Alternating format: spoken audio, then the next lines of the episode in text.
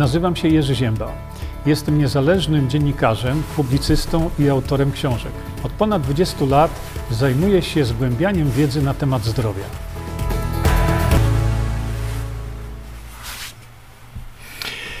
Witam wszystkich bardzo serdecznie. E, To jest nasza sesja e, zdjęciowa wieczorna. E, Może jeszcze wiecie sobie, tylko taką małą popraweczkę tutaj zrobię e, w momencie, kiedy jeszcze wszyscy się tutaj zbieramy. A mianowicie, o, może tu coś po piersie sobie zmniejszę i przesunę sobie tak. O, powinno być teraz ok.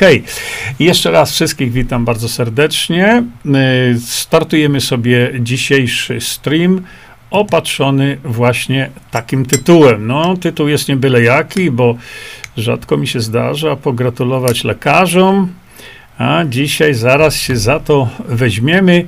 Najpierw jednak, jak zwykle, edukacja, edukacja, edukacja i tutaj właśnie białko kolca, e, broń doskonała. Zbliżamy się już niemalże powoli, powoli do 100 tysięcy obejrzeń. E, To jest film jak najbardziej edukacyjny, który tłumaczy, ta rozmowa właściwie, ona tłumaczy nam właśnie, jak te wszystkie szpryce działają i szczególnie jaki, jaka jest odpowiedź naszego organizmu na to wszystko. Bardzo dziękuję tym wszystkim, którzy ten e, link do tego filmu podają dalej, dalej i dalej, bo to jest taka nasza właśnie wspólna, wspólna edukacja. No i już tutaj jeszcze oczywiście następne e, wydanie Harmonii. Ja zachęcam jak zawsze o tej porze do wydania elektronicznego. Najszybciej, najłatwiej, najpewniej możemy sobie oglądać na telefonach.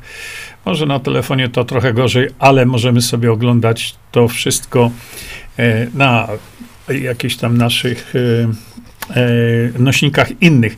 Oczywiście od razu startujemy teraz tutaj. Co pijemy? Dzisiaj pijemy tranol.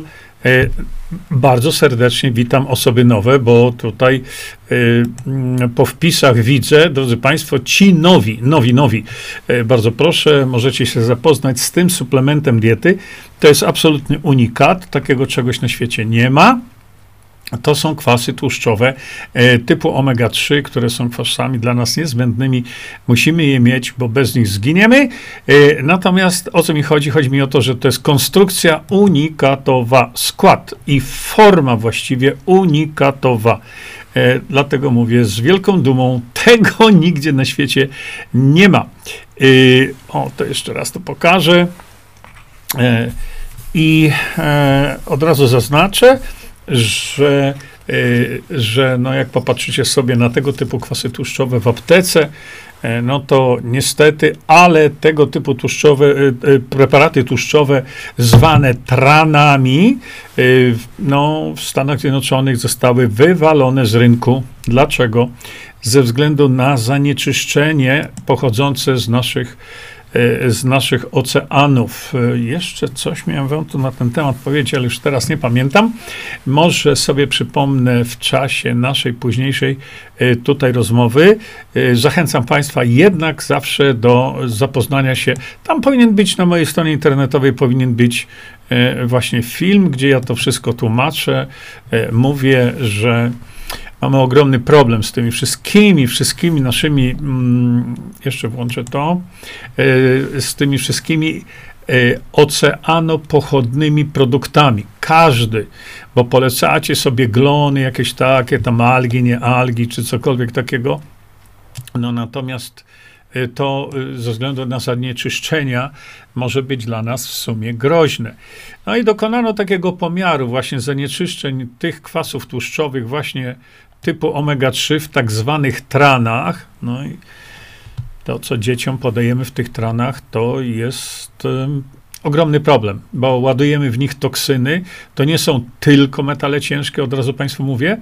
To jest wiele, wiele różnych toksyn, które w nasze dzieci tam wciskamy. Y, Dlatego bardzo proszę się nad tym zastanowić, jeżeli już tak robimy. Zresztą e, nie tylko tutaj nam patrzę na ten monitor, mój wiecie, i patrzę, jak tam się ludzie w tej chwili tutaj zbierają masowo i pozwólcie, że sobie tylko to przesunę tutaj. Tak. No, jest już nas w tej chwili coraz więcej, na szczęście. Y, dlatego mówię, to dbanie o nasze zdrowie w ogóle to jest właśnie mm, to, żeby dodawać naszemu organizmowi, dawać y, y, właściwe, właściwe omega-3. Tutaj jest też omega-6, gdzie tłumaczymy sobie, że ze względu na potworne zanieczyszczenie tych omega-3, czasami bywa tak, że mamy dużo więcej omega-3 niż omega-6, a ten stosunek niby powinien być tam 1 do 4. I teraz chyba to. Miałem jeszcze Państwu powiedzieć właśnie mm, taką rzecz. Do, e, za chwilkę dojdę tutaj. Jeszcze raz muszę to pokazać, bo sprawa jest naprawdę niezwykle ważna. Otóż, jak wiecie, już teraz media się tam rozkrzykują tak samo. Trybunał Konstytucyjny orzeknie w sprawie obowiązkowych szczepień ochronnych. Ja mówiłem to dzisiaj w naszym spotkaniu w południe, e, że nikt mi nie udowodnił jeszcze mechanizmu ochronności jakiejkolwiek szczepionki, jakiejkolwiek szczepionki, to nie ma e, znaczenia która, ale skoro mówimy o tak zwanych, e, o tak zwanych szczepieniach ochronnych, to proszę mi wytłumaczyć mechanizm ochronności.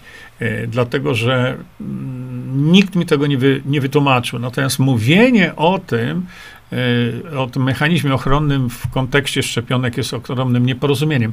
Ale mm, koncentrujemy się teraz tutaj na Trybunał Konstytucyjny orzeknie w sprawie obowiązkowych szczepień ochronnych. Trybunał Konstytucyjny, gdyby działał zgodnie z prawem, to by z pewnością orzekł, że szczepionki mm, obowiązkowe są niezgodne z kartą czy z deklaracją praw człowieka obywa i obywatela, y, którą my, Polska, podpisaliśmy jeszcze tam gdzieś w latach 50., przepraszam, jeszcze to włączę. I my jesteśmy sygnatariuszem tego. E, jako Polska. Oczywiście ja sobie zdaję sprawę, bardzo proszę nie pisać tu w komentarzach, e, że, e, że Polska, mm, no, rządy poszczególnie, bo tu nie chodzi o rząd PiSu, po prostu rządy poszczególne polskie po prostu ignorują kompletnie jakiekolwiek tam międzynarodowe podpisaliśmy rzeczy. Ja tylko wspomnę i przypomnę, bo to jest niezwykle ważne. Niezwykle ważne, bo ta decyzja chyba czasami nie zapadła dzisiaj. E, niezwykle ważne i dlatego powtarzam Państwu jeszcze raz. E, kiedy e, słyszę takie naprawdę nie, no, wynikające z braku wiedzy komentarze, że gdyby demokracja bezpośrednia była w Polsce, to Polacy by zagłosowali za przymusem szczepień. No, drodzy Państwo, to nie jest tak. Mm, po pierwsze, po pierwsze, tak jak robią to Szwajcarzy, model demokracji bezpośredniej polskiej byłby lepszy niż szwajcarski, dlatego broń Boże, proszę nie porównywać tutaj ani Szwajcarii, ani Polski. E, to jest zupełnie inny temat. Omawiamy sobie to nie o 21, tylko raczej o godzinie 13. Ale o co chodzi? Chodzi o to, że profesor Mateja był wielokrotnie pytany, właśnie no, nasz tutaj największy znawca tematu na świecie, był pytany e, właśnie, a jakby to było w Szwajcarii? Profesor Mateja odpowiada zawsze jednoznacznie pytanie dotyczące obowiązków szczepień nigdy nie trafiłoby e, do referendum jako pytanie referendalne. Dlaczego? Dlatego, że to pytanie nie może być zadane w referendum. Dlaczego? Bo byłoby niezgodne z podpisaną tą kartą praw człowieka i obywatela przez Szwajcarów. A więc. Yy, uspokajam Państwa, że tego typu wybryki intelektualne, którymi nieraz się tutaj karmimy, widzę, że Polacy to na pewno by to podpisali. Ja tego nie chcę tutaj komentować dalej, bo to, to oczywiście jest to bzdura, ale wynika to z tego, e, że Szwajcarzy przestrzegają tych e, międzynarodowych podpisanych konwencji. No to było w latach 50. W związku z tym jest absolutnie niemożliwe, w Szwajcarii, żeby y, referendalnie wprowadzić przymus szczepień. Dokładnie właśnie z tego powodu, co przed chwilką powiedziałem, nie będę się powtarzał. A dlaczego Polska ma być inna? No dlaczego? To tak, ja rozumiem, że zaraz mi tutaj powiecie, że e, zaraz mi tutaj powiecie, e, że e, w Polsce jest inaczej. W Polsce nie zwracamy uwagi na, na konstytucję, bo przecież konstytucję zmieniamy ustawowo. Ustawami sobie zmieniamy ustawę zasadniczą, jakby nigdy nic, prawda? To, to żadna świętość, ta konstytucja teraz. Proszę Państwa, mówiliśmy sobie też e, w, w, południe, że już jest następna szczepionka i tu chciałem tylko wam pokazać tą, tą jedną rzecz, e, bo to jest właśnie, widzicie, karta, charakterystyka e, tego produktu.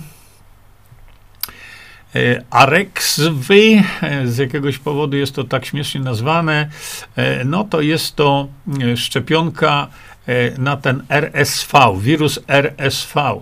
Zwracam uwagę ponownie tutaj na to, że są przeciwwskazania, one są tutaj opisane. E, te przeciwwskazania i, i najbardziej, najczęściej wy, wy, występujące e, skutki uboczne, to nie jest to tym, co chciałem pokazać Państwu. Co chciałem pokazać, to jest to, że ta właśnie szpryca E, przeznaczona jest do zapobieganiu choroby e, płuc, krótko mówiąc, prawda? No bo tu już e, nie chodzi o jakieś tam szczególiki. U osób 60 lat i więcej zapobieganiu tej chorobie, no i ja w nieskończoność pytam się wszystkich lekarzy, którzy tam zaczynają już w tej chwili na ten temat mówić, na czym polega ten mechanizm zapobiegający. Dlatego, że proszę zauważyć na jedną bardzo charakterystyczną rzecz. Oni zawsze mówią, te medonety, nie medonety tego świata, oni zawsze mówią o tym, że to zapobiega chorobie. A ja zawsze się pytam, a jak?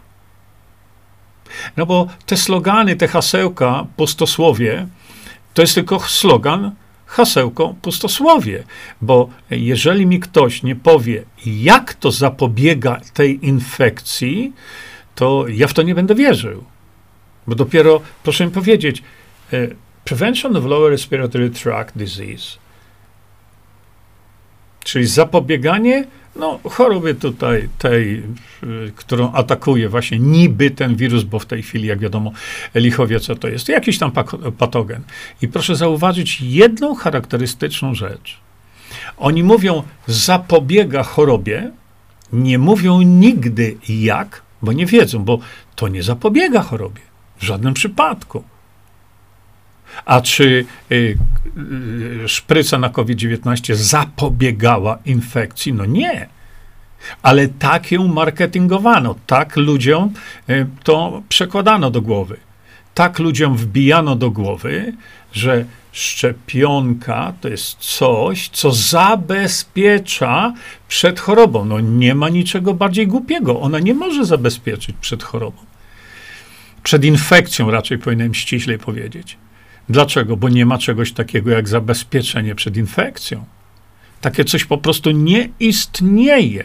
Dlatego właśnie tłumaczę wielokrotnie, że proszę mi pokazać, e, spotkajmy się w sądzie, jeśli ktoś woli. To ja bardzo lubię tam występować, o, paradoksalnie.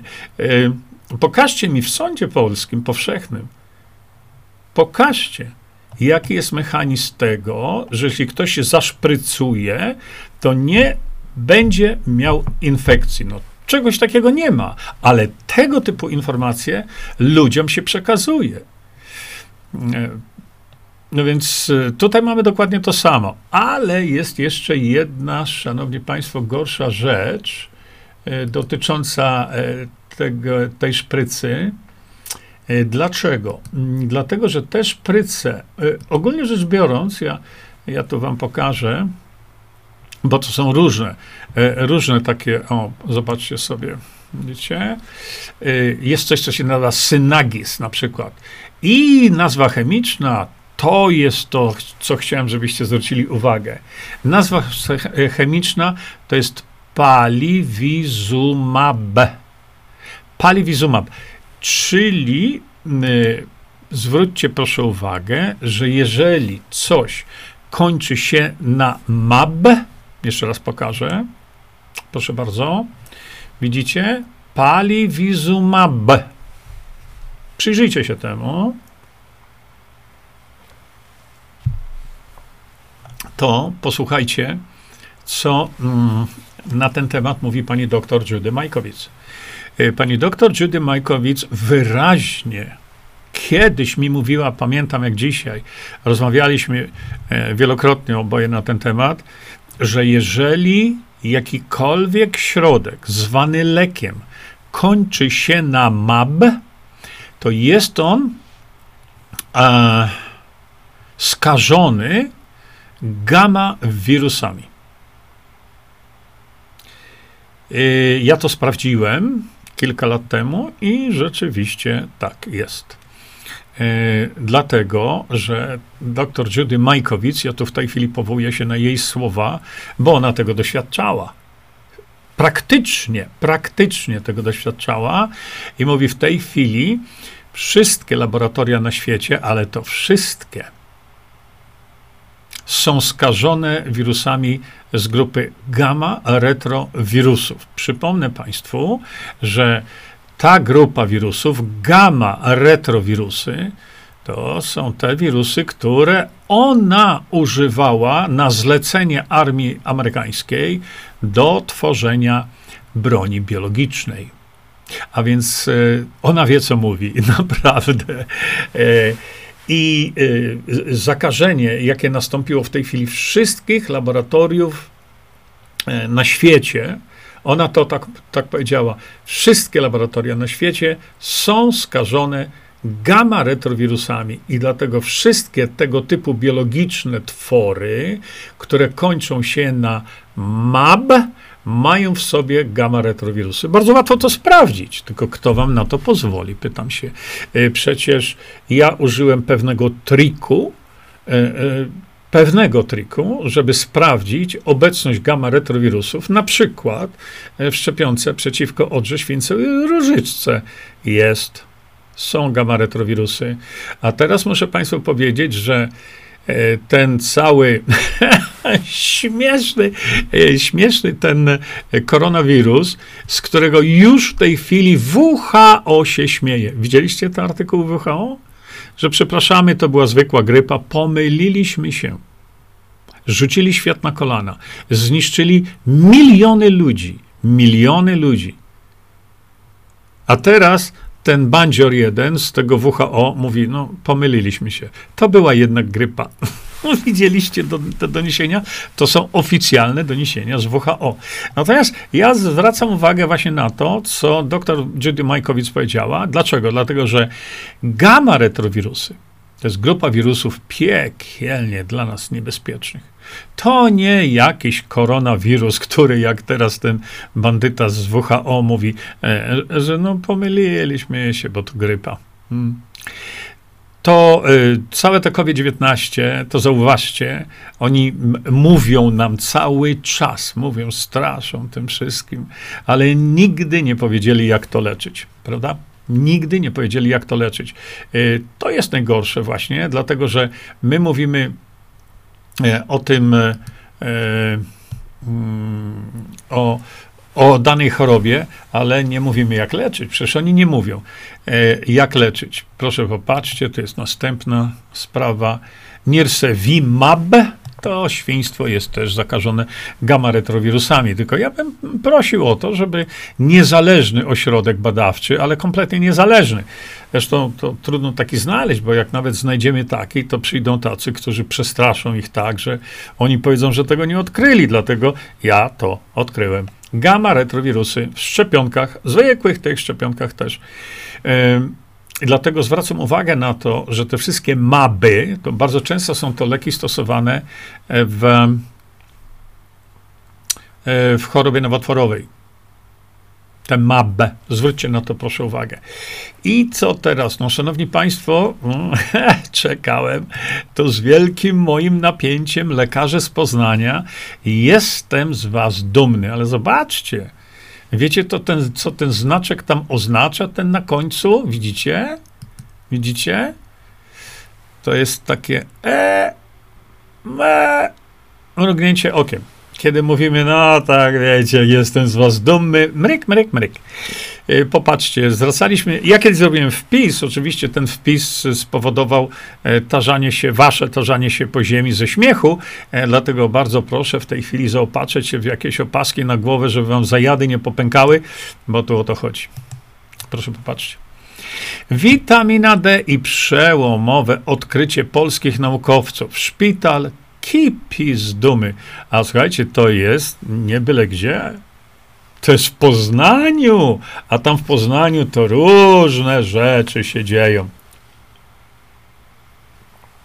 Proszę, to prawdziwa radość i duma poinformować, że w murach naszego szpitala doszło do, powtarzając za kilkoma portalami medycznymi, przełomowego odkrycia polskich naukowców ważnego w leczeniu groźnego nowotworu, jakim jest czerniak, komunikuje Uniwersytecki Szpital Kliniczny w Poznaniu, tam gdzie dzieci umierają na sepsę.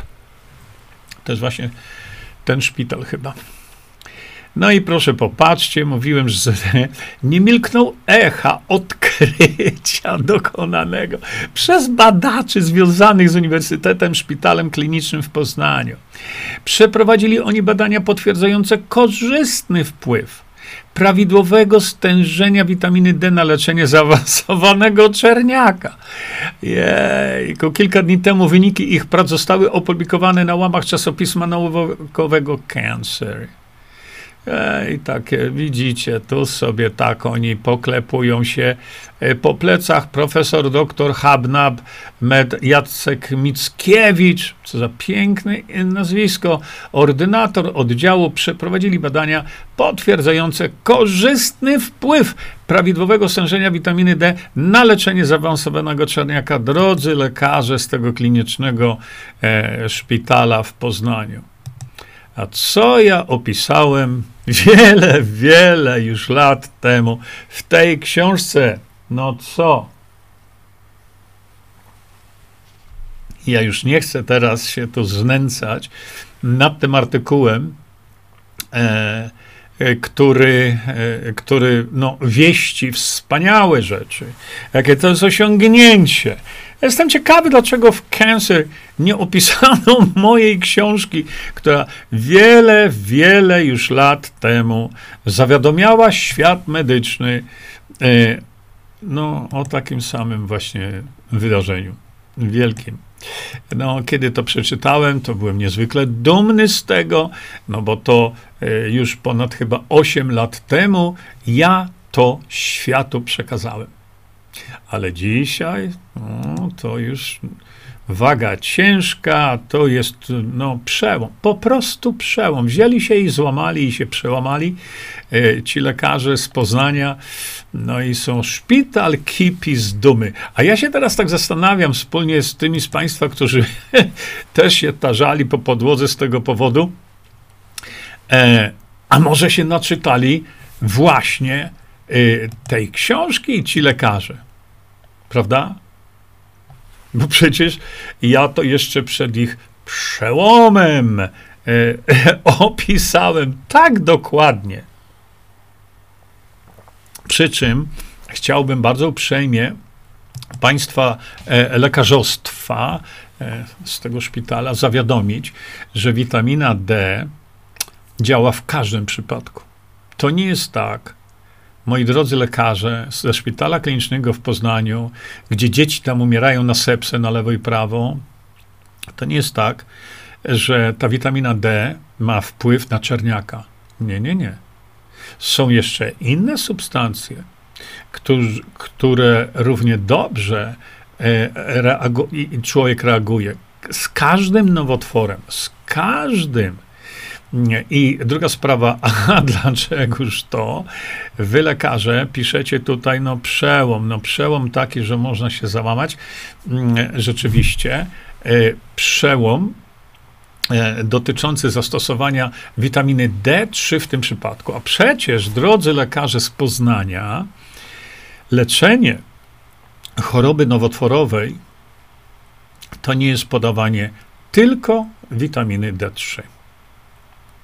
Uprzejmie Was informuję, że leczenie choroby nowotworowej powinno być związane z hamowaniem y, rozwoju choroby, ale po zadziałaniu ze wszystkich, z wielu stron. Z wielu stron. Y, tutaj E, muszę wam, drodzy państwo, z Poznania, ze szpitala klinicznego i tak dalej, tam, gdzie dzieci upierają na, na sepsę, muszę wam powiedzieć, że mm, no, ja te wszystkie mechanizmy, e, tą multiterapię e, choroby nowotworowej opisałem wam już z pięć lat temu gdzieś w tej książce. Dlatego zajrzyjcie sobie do tej książki, i e, zobaczycie, e, macie odpowiedź. Po prostu wszystko tam leży na talerzu. Jeżeli chodzi o e, leczenie choroby nowotworowej, Widzicie? O to mi chodzi. Natomiast to, co wy, drodzy lekarze, tu się zachwystujecie, profesor doktor habilitowany medycyny Jacek Mackiewicz również potwierdził, iż u znacznego odsetka pacjentów w trakcie terapii przy wyrównaniu stężenia witaminy D guzy się zmieszały. No to kłaniam się w pas, to panie profesorze, przed tą wiedzą po prostu porywającą, prostującą mi tutaj jelita. Z wrażenia oczywiście. Y, bo no to tu, panie profesorze, ludziom, którzy oglądają moje wykłady od lat, od lat, jest to znany fakt. Dla tych ludzi jest to znany fakt. E, dla tych ludzi nie jest to nic dziwnego. No, dziwne jest może tutaj dla e, pana profesora, ale to, no cóż, to takie mamy właśnie. E, e, czekajcie, bo to może mi się tu uda jeszcze to troszeczkę powiększyć. Nie, nie uda mi się tak, jak ja bym chciał. Dobrze, no więc słuchajcie, jeszcze chciałem zwrócić tutaj, jak dodaje lecznica, profesor Mackiewicz oraz dr Galus uważają, że, że choć konieczne są kolejne badania, no mowa, że są konieczne, to już dotychczasowe wnioski są obiecujące i onkolodzy będą mogli w bardzo prosty sposób pomóc jeszcze większej grupie chorób, y, grupie chorych. A jak wy to, drodzy lekarze z Poznania, chcecie im pomóc? Podając im tylko witaminę D3? Poważnie? To tak by wyglądała wasza pomoc na ten temat? To ja rozumiem was, że e, wy jako lekarze nie widzicie możliwości zastosowania e, tak jak robią to naturoterapeuci, nie widzicie możliwości zastosowania wielu substancji na raz. My możecie, wy stosujecie tylko jedną. Dlaczego? Bo jak zastosujecie więcej niż jedno, to już nie wiadomo, co pomogło, tak? A wy musicie, to za chwilę będzie, że witamina D3 leczy raka, to będą dopiero numery.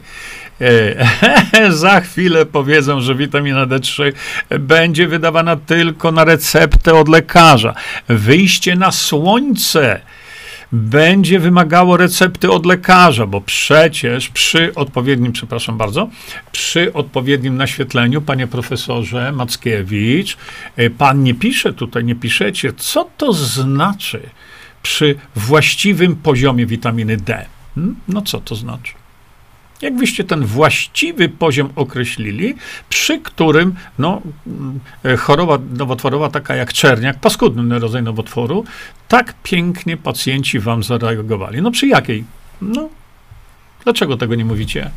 A trzeba byłoby powiedzieć, nie? Mm, teraz chciałem wam powiedzieć jeszcze, o proszę bardzo, co jest ważne, zobaczcie sami. Natomiast w grupie, inaczej, w grupie pacjentów, którzy nie mieli suplementowanej witaminy D, a suplementowanej, tak, czyli zwykła suplementacja witaminą D. E, jeśli nie mieli suplementacji witaminy D, na terapię odpowiedziała 36%, ale co to znaczy odpowiedziało 36%? Ja bym bardzo prosił tutaj pana profesora o y, jakieś szczegóły. No, może napiszecie, napiszecie pracę naukową jakąś, albo opublikujecie to, co wysłaliście z tego, z ukrytych terapii tam do, do cancer y, tej publikacji. Y, słuchajcie, jak można powiedzieć 36%, ale to jaki był punkt końcowy? Co przyjęliście za kryteria e, wyleczenia? No to jest niezwykle ważne. Natomiast w grupie, w której przyjmowano witaminę D, odsetek pacjentów reagujących na terapię sięgał 56%. I tu proszę uważać, to są osoby, u których guzy albo zniknęły całkowicie, albo zmniejszyły się przynajmniej o 30%. No, szanowni państwo, lekarze tam e, z tego klinicznego w Poznaniu, przecież ja to wszystko opisałem tutaj. No, i co wy na to? Co wy na to? Bo to, co ja opisałem e, w, w, pierwszej części ukrytych terapii, dotyczy leczenia choroby nowotworowej, gdzie nawet w czwartym w stanie, powiedzmy, już zaawansowanego bardzo nowotworu, na przykład raka trzustki, z którym medycyna, wy, drodzy onkolodzy, absolutnie nie potraficie sobie poradzić. Absolutnie, bo jeśli to jest czwarty stopień e, na przykład raka trzustki, to co robicie? Zawiadamiacie rodzinę, żeby się pożegnali z pacjentem, tak? I żeby uporządkował wszystkie swoje sprawy formalne, no bo e, schodzi. A ja przecież pokazałem wam, że wcale nieprawda że nawet w takich przypadkach uzyskano e, całkowitą remisję, czyli usunięto chorobę nowotworową. Całkowicie. Czym? A molekułą, którą nie był wcale, wcale cholekalcyferol. I przecież opisałem przypadek za przypadkiem, publikację za publikacją. Opisałem, że y, jest taka molekuła na świecie, y, która w ten sposób zadziałała, że spowodowała y, zatrzymanie procesu nowotworowego i powrót do normalności tego, tego pacjenta. To jest, ona się, ta molekuła nazywała, nazywa się witamina C. Ale gdyby miała bardzo chemicznie skomplikowaną nazwę, to byście rzucili się na kolana przed nią, no nie? Byście klęknęli, jaka to jest molekuła. Jaka ona ma skomplikowaną nazwę chemiczną. Ma rany boskie, to tylko zaawansowany chemik e, rozumie to. Ale jeśli to jest molekuła bardzo prosta, a jeszcze najgorsze w tym wszystkim, nazwana jest witaminą C, to już was to nie interesuje. Bo witaminka C w waszym pojęciu to jest takie coś, co się tam podaje przy przeziębieniu, prawda? Nie. To jest molekuła, która działa w sposób niezwykle charakterystyczny chorobie nowotworowej, co, szanowni drodzy tutaj y, zwycięzcy Nobla i tak dalej, opisałem wam tu bardzo dokładnie, ale jednocześnie w tak przystępnym e, sposób, że no, naprawdę no nawet jeśli jesteście lekarzami, to to zrozumiecie. Bo ludzie, którzy nie mają wykształcenia medycznego, e, są w stanie to zrozumieć. Ja tu oczywiście uszczypliwie to mówię, trochę humoru. E, proszę Państwa, ja już nie chcę Was tutaj nudzić e, tam tymi wypisami, opisami.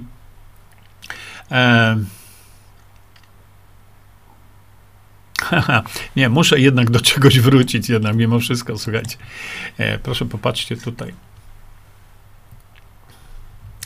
E, doktor Łukasz Galus, cytowany w szpitalnym komunikacie, przypomniał, iż w ostatnich latach pojawiło się leczenie immunoterapeutykami, które dla chorych na czerniaka stało się przełomem. No, chciał to zobaczyć, dlatego że ta immuno terapia, immunoonkologia, to powoduje, mówię, ja tutaj, e, szanowni państwo, z tego szpitala e, w Poznaniu klinicznego, gdzie e, dzieci dorośli umierają na sepsę jedno po drugim, to chciałem wam wytłumaczyć to, że ja to już opisałem dawno temu, o tej immunoterapii. No i tak, dzięki tej terapii udało się część pacjentów wyleczyć z choroby przerzutowej, przerzutowej, to jest taka choroba. Hmm, no, dziwne.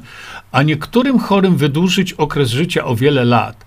Jednak to leczenie działa u co drugiego pacjenta. Natomiast ostatnie badania dotyczące witaminy D wykazały, że chorzy poddani tej samej immunoterapii, a u których poziom witaminy D mieści się w granicach normy, mają o ponad prawie 20% większe szanse na odpo- odpowiedź na leczenie.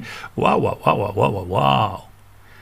Natomiast ostatnie badania dotyczące witaminy D wykazały, że chorzy poddani tej samej immunoterapii, prawda, to o czym pan doktor mówi tam wcześniej, yy, a u których poziom witaminy D mieści się w granicach normy, no to miały jeszcze tam wyniki lepsze. Ale jaka jest ta granica, panie doktorze? No śmiało, śmiało, to co, to będziemy tam się owijać w bawełnę. Yy, dlatego yy, proszę popatrzcie, mm, jeszcze jest to bardzo ważne, o czym ja informowałem Państwa, ale dzisiaj to jest taki, no chciałem ten, ten artykuł troszeczkę tu rozkminić. Popatrzcie. E, informuje poznański szpital, ten szpital kliniczny, gdzie ludzie dorośli i dzieci umierają z powodu sepsy. E, analiza objęła 200 pacjentów, którzy przyjmowali immunoterapię. Widzicie? Na podstawie tak zwanych inhibitorów punktów kontrolnych.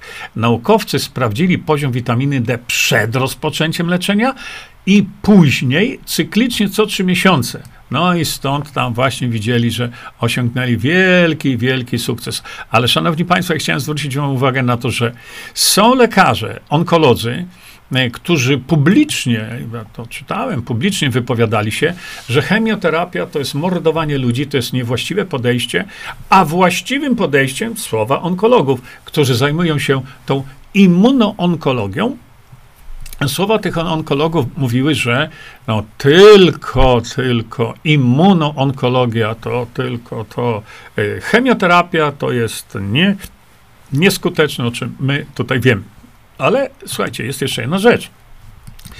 Przyjmowali immunoterapię na podstawie tak zwanych inhibitorów punktów kontrolnych. Co to jest za mambo jumbo? Już Państwu tłumaczę.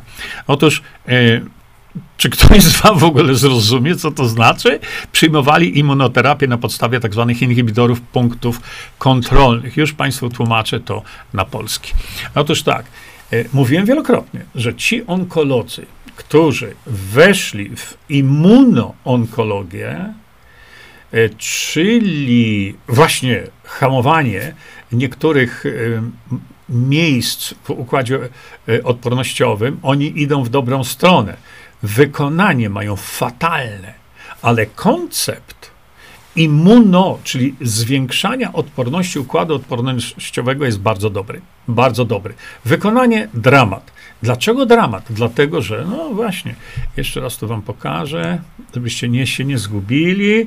Przyjmowali immunoterapię na podstawie tak zwanych inhibitorów punktów kontrolnych. A wiecie, co to są te punkty kontrolne?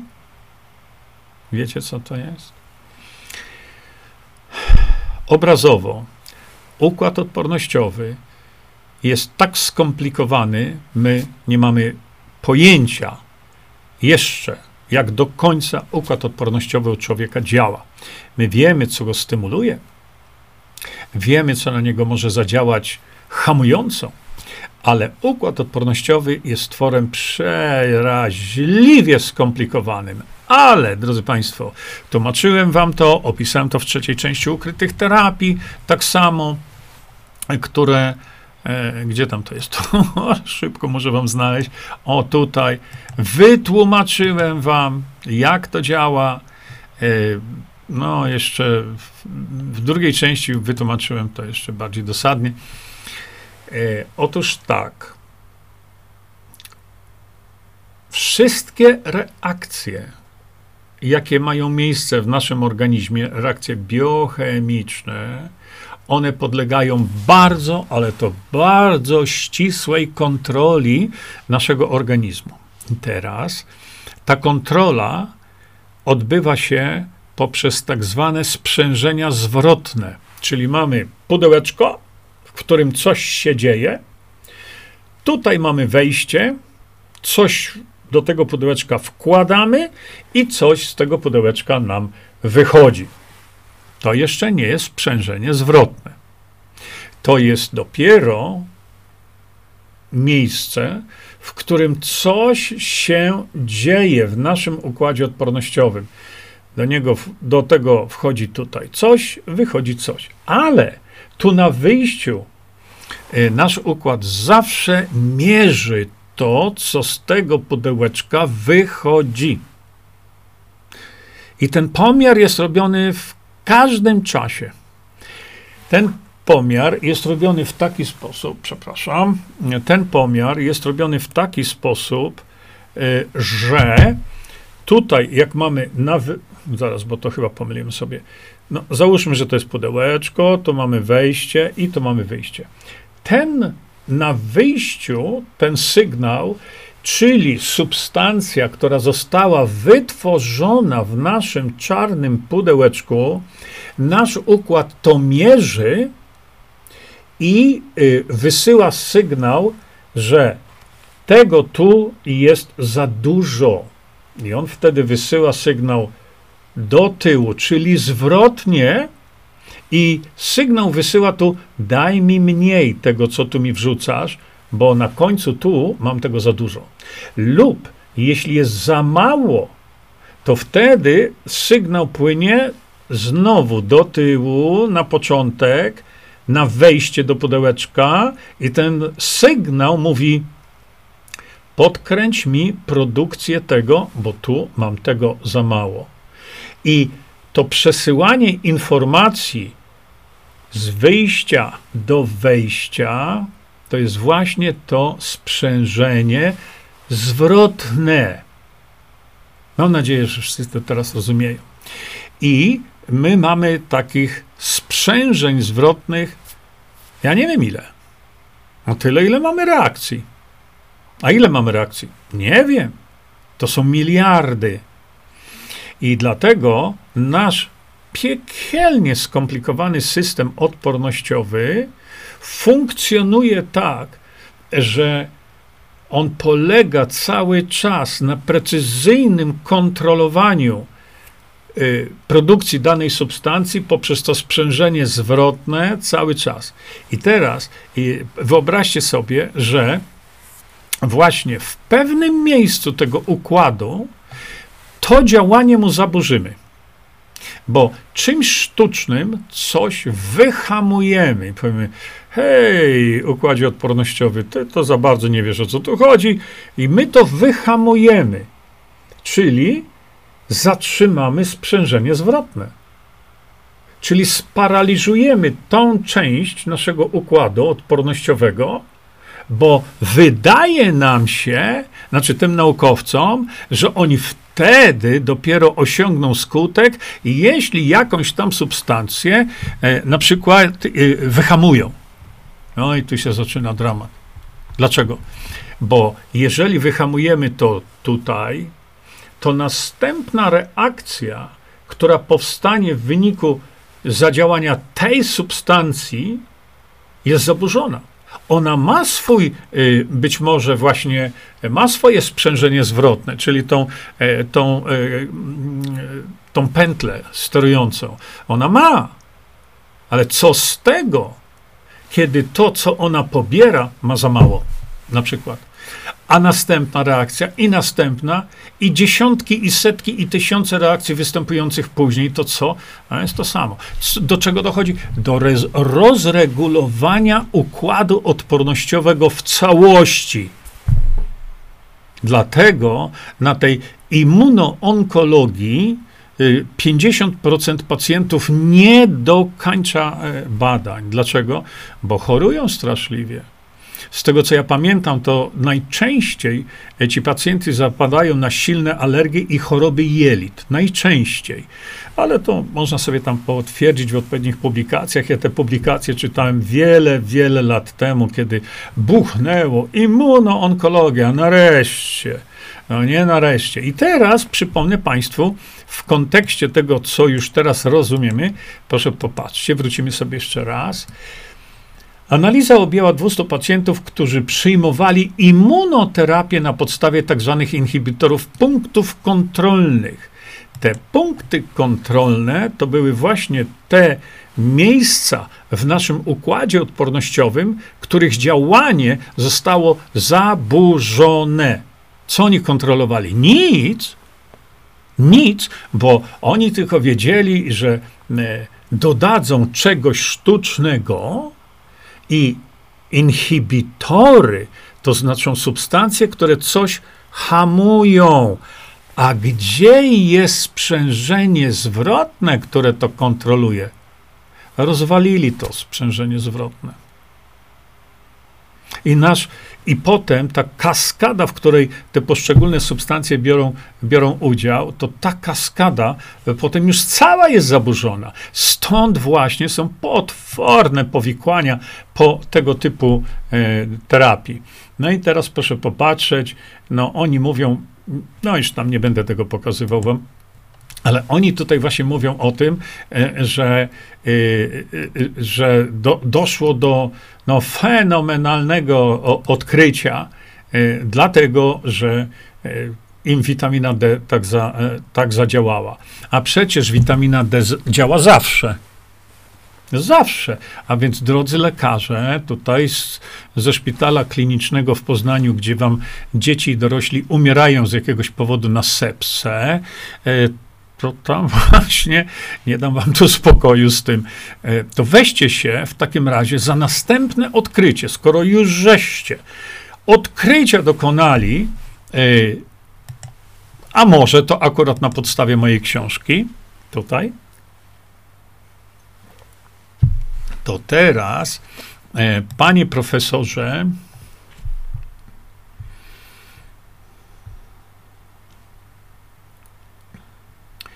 Czekajcie jeszcze, gdzie to jest. Ach, już mam, bardzo przepraszam, że tak z pamięci, chociaż po tych sądach w Poznaniu to ja was wszystkich powinienem tam znać na pamięć. Panie profesorze, doktorze habilitowany medycyny Jacku Mackiewiczu, Panie profesorze, to zróbcie następne odkrycie, które powali świat medyczny. Witamina D w tym przypadku to jest pikuś, po prostu pikuś. Dobrze, że żeście to zrobili. Chwali się to, bo e, lepiej oczywiście później niż wcale.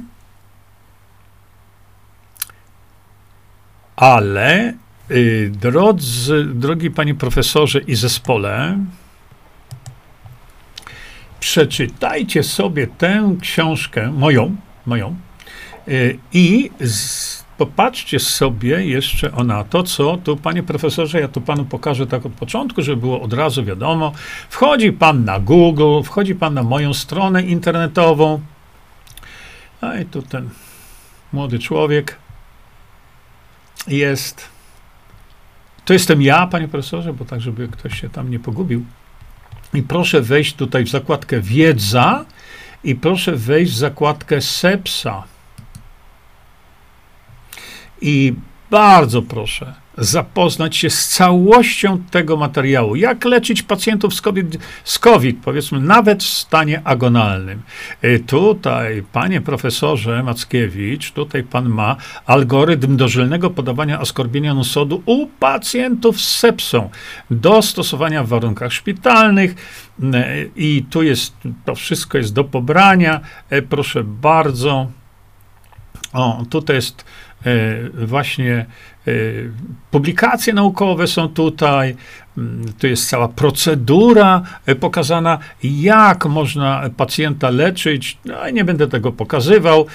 Witamina C podawana dożylnie w przypadku nowotworów, prawda, bo to troszeczkę inaczej. Tu jest z mojej książki E, pokazany właśnie schemat podawania witaminy C w przypadku nowotworów. A więc gdybyście tam, drodzy Państwo, to połączyli, byłoby, mielibyście sukcesy dużo, ale to dużo większe. No a teraz, jeśli chodzi o tą sepsę, no to jeszcze raz to powtarzam, proszę bardzo. E, macie tu literaturę, obszerną literaturę na ten temat i to wszystko podpisał nie kto inny, jak pan właśnie profesor, doktor Hub nauk medycznych Andrzej Frydrychowski. No więc, skoro już praktykujecie w szpitalu klinicznym, co za wstyd, że nie potraficie leczyć sepsy, a przecież to jest tutaj opisane. Mało tego, szanowny panie profesorze, to jeszcze sięgnę, wezmę tu. I y, tutaj jest moje wystąpienie e, na konferencji Czego ci lekarz nie powie, które odbyło się w Poznaniu, e, proszę patrzeć, to jest 2021, w 2021 roku, kiedy to właśnie ja tutaj e, dokładnie omawiam, omawiam te, ten sposób leczenia, leczenia, przepraszam bardzo, bo to Chciałem coś wcześniej pokazać. O, widzi pan, panie profesorze? Tutaj idę krok po kroku, jak leczyć sepsę, a tu w tych książkach ja to panu podeślę nawet za darmo. E, przecież, bo co to, to lekarze, tam profesorowie kasą nie śmierdzą. E, ja to panu podeślę i tutaj, szanowny panie profesorze, jest to z kolei na piśmie. Na piśmie. Co robić, jak robić, wszystko, żeby uratować pacjenta z sepsy, żeby wam dzieci malutkie, tak jak no, ta 14-miesięczna Marcelinka, którą od, e, odłączyliście, od, pro, od wtyczkę wyciągnęliście jej po pięciu dniach, podczas gdy takich pacjentów przetrzymuje się w domach nieraz rok i tak dalej, i tak dalej. Kiedy stwierdziliście, że e, wystąpiła śmierć kliniczna, a z kolei pan profesor Jan Talar mówi, że nie ma śmierci klinicznej, bo on takie dzieci wybudza. Hmm? Zupełnie inny temat, panie profesorze, ale jeśli już tak się tu zachwyciliście y, tym przełomowym dla, dla was wydarzeniem, to teraz zróbcie następny krok i zróbcie przełom, jakiego do tej pory nie zrobili nigdzie lekarze na świecie. Nigdzie. A więc zastosujcie E, askorbinian sodu, który jest molekułą natychmiast usuwającą wolne rodniki, zastosujcie DMSO, który jest molekułą natychmiast e, hamującą hamującą procesy zapalne i zastosujecie wlewy, tylko słuchajcie mnie, czytajcie moje książki, nie słuchajcie e, idiotów z różnych tutaj e, e, publikatorów, że Jerzy Zięba każe wlewać perhydrol dożylnie. No, bądźcie trochę mądrzejsi niż ci ludzie i wlejcie w tych ludzi właśnie e, perhydrol, e, czy też nadtlenek wodoru, żeby było bardziej naukowo, prawda? Ale o stężeniu czterech setnych, panie profesorze, to jest 0,04. I wlejcie to w tego człowieka, jak wlewa się na świecie w wielu, wielu klinikach. Dlaczego? Bo się wtedy tego kogoś natleni. I jak on umiera z powodu sepsy, bo ma zniszczone płuca, no to wtedy natlenienie organizmu następuje na poziomie komórkowym bez udziału płuc. Jest to takie proste dla człowieka, który nie ma wykształcenia medycznego. Natomiast dla, dla lekarzy może to być, kurczę, blade skomplikowane. Ja się temu nie dziwię, bo tak was kształcą uniwersytety. A ponieważ jesteście e, szpitalem klinicznym w Poznaniu, gdzie wam umierają ludzie z powodu sepsy, e, to wy jesteście szpitalem klinicznym, czyli wy macie prawo i obowiązek prowadzenia badań naukowych.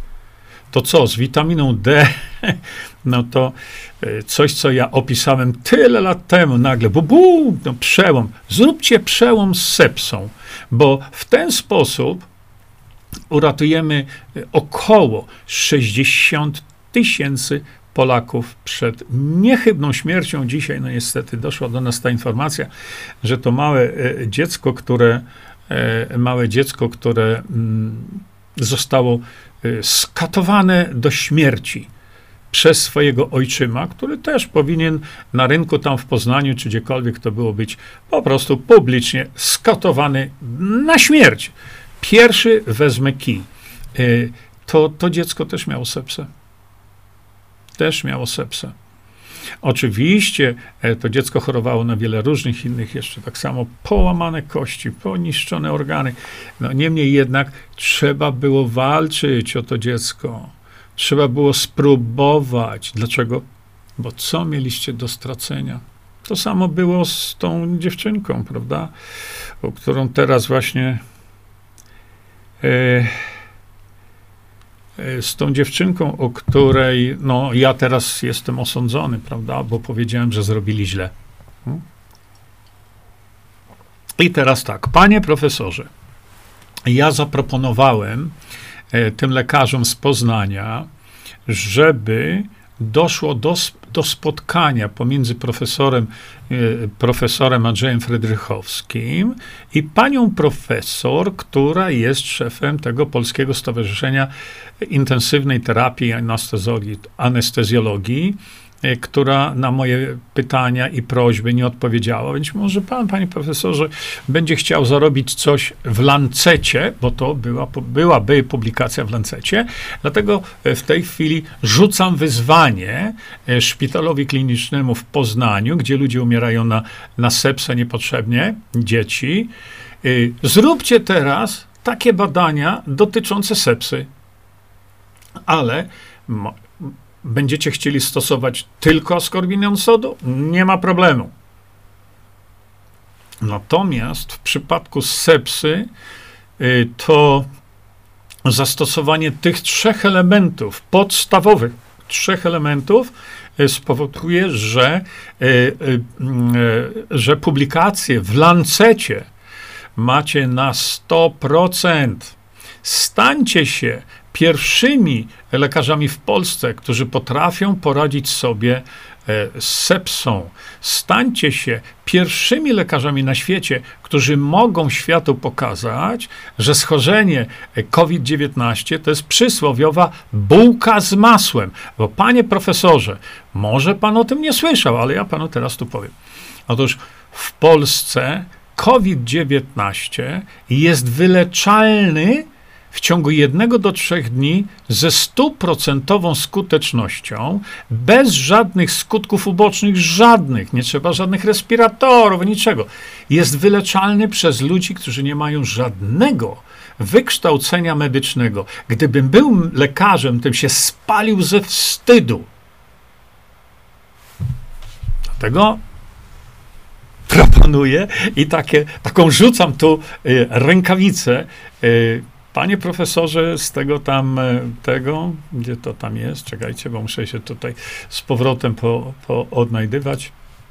E, panie profesorze Jacku e, Mickiewicz, bardzo pana profesora proszę teraz w imieniu Polaków, którzy za chwilę umrą. Panie profesorze, wie pan o tym, że około 100 Polaków, więcej chyba już w tej chwili, umiera dziennie z powodu sepsy i zapalenia płuc, które, jak pan profesor wie, zapalenie płuc, jeśli ktoś umiera, to znaczy zakończył sepsą, prawda?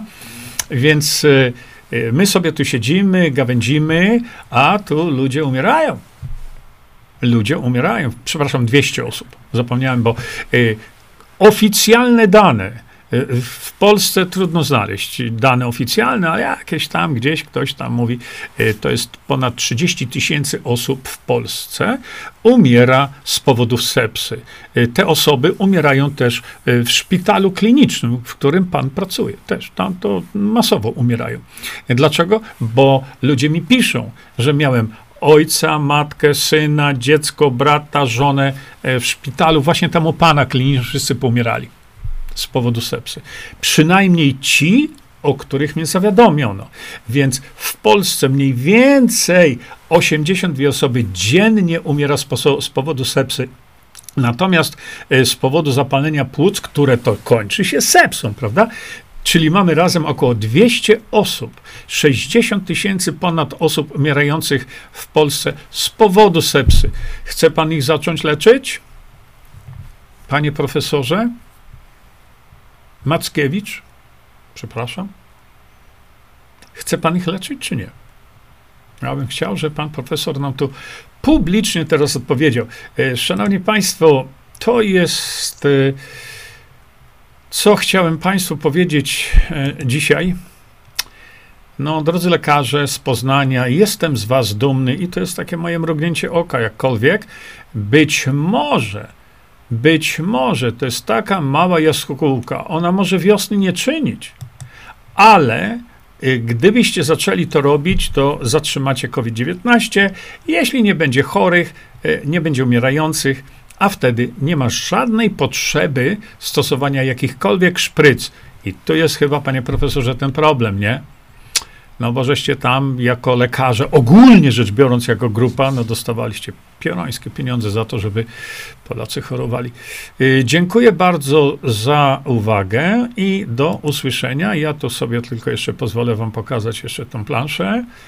Y, co by tu sprawiedliwości się stało zadość. Dziękuję bardzo za uwagę. Mam nadzieję, że, że szpital kliniczny w Poznaniu, w którym umierają ludzie i dzieci dorośli, i dzieci na sepsę, weźmie sobie po, to pod uwagę i zrobi y, badania, które zakończą się następnym artykułem w Lancecie i przełomem na świecie w dziedzinie leczenia sepsy. No, oczywiście wiecie, o co mi chodzi. Dziękuję bardzo, do widzenia. Czyńmy dobro. Bądźmy dla siebie dobrzy, mili i pomagajmy sobie wzajemnie. Przekażcie tę informację dalej. Po więcej informacji na temat odporności naszego organizmu witaminy C zapraszam Was na moją stronę internetową jerzyzieba.com. Pamiętajcie, że wiedza to nie porada lekarska. Konsultujcie dolegliwości z lekarzami i stosujcie także jak najwięcej naturalnych metod.